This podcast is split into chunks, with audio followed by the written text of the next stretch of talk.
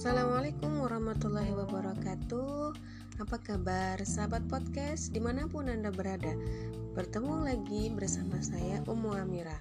Oke okay, um, Dalam podcast hari ini Kita akan membahas tentang aktivitas amal Ataupun yang dikenal dengan pemahaman aktivitas dalam Islam Kenapa kita membahas hmm, materi tentang ini? Karena sangat penting bagi kita manusia, apalagi terkhusus yang muslim ya, sahabat podcast, eh, mengetahui bagaimana aktivitas yang wajib kita pahami, yang wajib kita jalankan eh, di dalam Islam. Kemudian, apakah kita sudah memahaminya?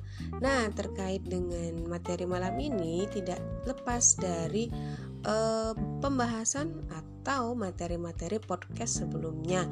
Ya sahabat podcast oke tepatnya hari ini Rabu 9 Juni 2021 uh, semoga sahabat podcast senantiasa dalam perlindungan Allah. Kemudian aktivitasnya adalah aktivitas yang diridhoi Allah. Amin amin ya robbal alamin. Nah, eh, materi ini saya ambil dari buku Mafahim Islamiyah eh, yang eh, ditulis oleh Ustadz Muhammad Hussein Abdullah yang insya Allah memberikan hmm, sakofa atau pemahaman yang baik dan benar untuk kita dan semoga bisa kita amalkan dalam kehidupan hari-hari kita. Langsung saja, sahabat podcast, eh, silakan disimak dan dicerna, difahami yang saya sampaikan eh, berikut ini. Pemahaman aktivitas dalam Islam, hakikat aktivitas manusia adalah materi Allah Subhanahu wa taala benar-benar telah meniupkan ruh sebagai rahasia kehidupan atau nyawa pada manusia. Allah juga telah memberikan pada diri manusia potensi hidup yang tercermin dalam tiga potensi atau khosiyah.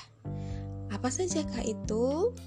Yang pertama, kebutuhan jasmani, naluri-naluri, dan akal. Nah, semuanya telah ada pada setiap manusia yang hidup. Jadi, tidak ada di um, dunia ini manusia yang tidak memiliki jasmani, naluri, dan akal. Ya, sahabat podcast. Uh, tapi um, muncul kemudian pertanyaan, Lalu bagaimanakah mempergunakannya? Nah, kebutuhan-kebutuhan jasmani dan naluri-naluri selalu menuntut pemenuhan. Lalu manusia memulai untuk memenuhinya karena pembangkit internal untuk kebutuhan-kebutuhan jasmani dan pembangkit eksternal untuk naluri-naluri.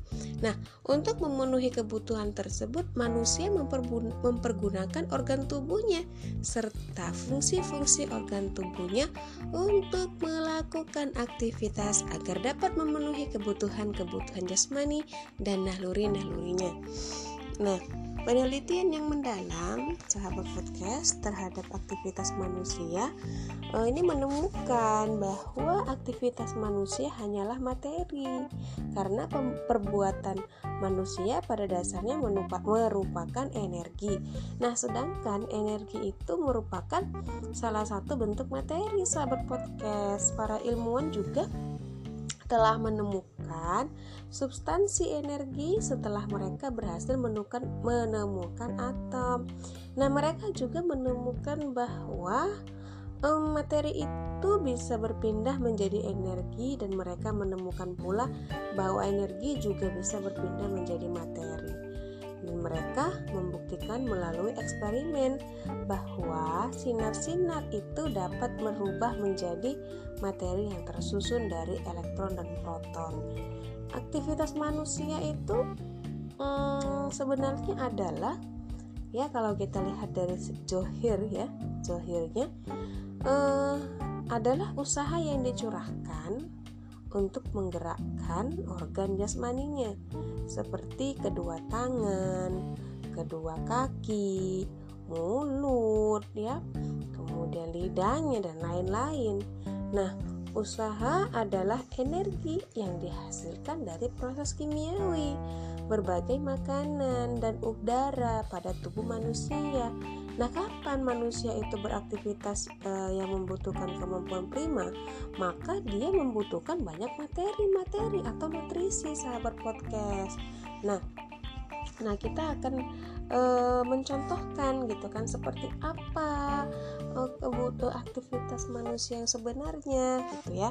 Nah, hmm, dicontohkan di sebuah buku ini bagaimana tukang kayu, tukang besi, kemudian tukang batu mereka itu semuanya menggunakan organ tubuhnya dan otot-otot mereka untuk melaksanakan aktivitas.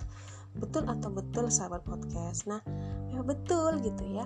Ini tidak bisa dipungkiri. Ketika kita melakukan aktivitas maka eh, sudah pasti kita menggunakan organ-organ tubuh kita ya. Karena apa? Karena kalau eh, ya pasti gitu kan ketika kita melakukan sesuatu yang bergerak adalah organ tubuh kita. Nah e, membutuhkan banyak nutrisi ya ketika e, yang berbeda dengan nutrisi yang dibutuhkan oleh atom dan pemimpin politik. Nah itu banyak perbedaan. Nah, karena organ gerak seperti dua tangan membutuhkan materi-materi yang berbeda dengan materi-materi yang dibutuhkan organ berpikir, yaitu otak. Jadi, antara pemimpin dengan uh, ahli atom itu berbeda, ya, berbeda organ-organ yang digunakannya. Itu tidak bisa di ya kita juga bisa berpikir dan melihat secara jelas ya. Yang demikian itu hmm, agar setiap organ bisa melaksanakan fungsinya. Ketika materi yang dibutuhkan organ tertentu untuk melaksanakan fungsinya habis maka penginderaan menyampaikan kekurangan untuk uh, itu kepada otak uh, maksudnya begini ya sahabat podcast ketika materi yang dibutuhkan organ itu uh, melaksan uh, apa namanya untuk melaksanakan fungsinya habis maka penginderaan yang uh, kita gunakan untuk menyampaikan kekurangan itu kepada otak. Nah, selanjutnya manusia memulai beraktivitas untuk memenuhi kebutuhan yang dibutuhkan, baik kebutuhan e, tersebut e, material seperti makanan, minuman dan udara atau kebutuhan uh, imat, uh, imaterial ya seperti tidur dan istirahat. Nah, kalau kebutuhan jasmani ini tidak terpenuhi, maka sudah tentu tubuh akan menghadapi kerusakan. Kerusakan karena tubuh itu um, tubuh um, manusia itu dilihat dari sisi menyerupai kendaraan motor di mana ketika materi-materi yang menjalankannya habis seperti misalnya uh, minyaknya ya ataupun airnya atau bensinnya maka semua komponennya itu akan terhenti aktivitasnya bahkan bisa saja kekurangan itu mengakibatkan kerusakan.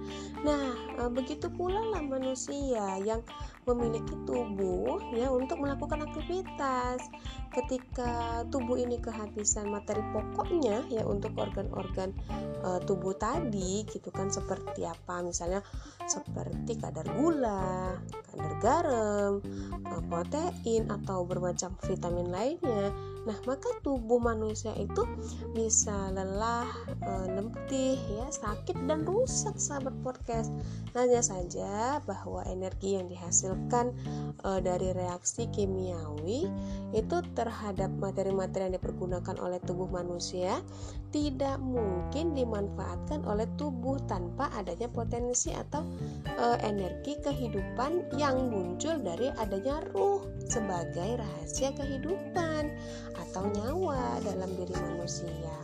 Maka uh, organ-organ tubuh yang kita pergunakan tadi hmm, ya memiliki potensinya potensinya yang merupakan uh, apa ya ke, uh, yang merupakan hmm, pemahaman yang kita pahami itu ada kehidupan di dalamnya, ada ruh di dalamnya. Ruh dalam artian nyawa. Nah, karena apa? Karena e, ada banyak gerakan otomatis di dalam organ tubuh manusia seperti yang mungkin jarang kita sadari ya, jantung, e, perut ya, dua paru-paru kita dan lain sebagainya. Nah, semua gerak-gerakan itu ya berjalan ketika manusia masih hidup. Nah, sedangkan apabila ia telah mati, ya manusia itu telah mati, maka organ tersebut tidak aktif lagi dan tubuh pun terhenti dari pengonsumsi makanan. E, maka potensi kehidupan atau e, Tokotul Hayawiyah itu adalah pengendali utama tubuh beserta apa yang ada dalam tubuh dari naluri-naluri, kebutuhan-kebutuhan jasmani dan otak eh dan akal, maaf. Dan semua itu dihasilkan darinya seperti gerak, kemudian bereproduksi dan tumbuh kembang. Nah, maka perlu kita pahami di sini sahabat podcast, ketika kita melaksanakan atau beraktivitas, maka kita harus memahami yang menggerakkan aktivitas ataupun tubuh kita ini itu apa ya gitu ya ataupun ada nggak peranan yang lain di luar dari kita yang melakukan ataupun yang mengatur ini semua nah itu perlu kita pahami ya sahabat podcast agar apa agar aktivitas kita itu terarah dan pemahaman kita terhadap sesuatu yang e, di luar jangkauan kita itu benar dan utuh. Oke, okay. uh, Hmm, mungkin ini yang bisa saya sampaikan di podcast kali ini. Semoga ilmu yang sedikit ini bisa menambah sakofah uh, kita semua dan menjadi bekal untuk memahami setiap langkah, setiap aktivitas yang kita lakukan dalam kehidupan dunia. Oke, okay? uh, eh, saya mohon maaf jika ada kekurangan, mohon ampun kepada Allah. Saya akhiri. Wabillahi taufiq wal hidayah. Wassalamualaikum warahmatullahi wabarakatuh.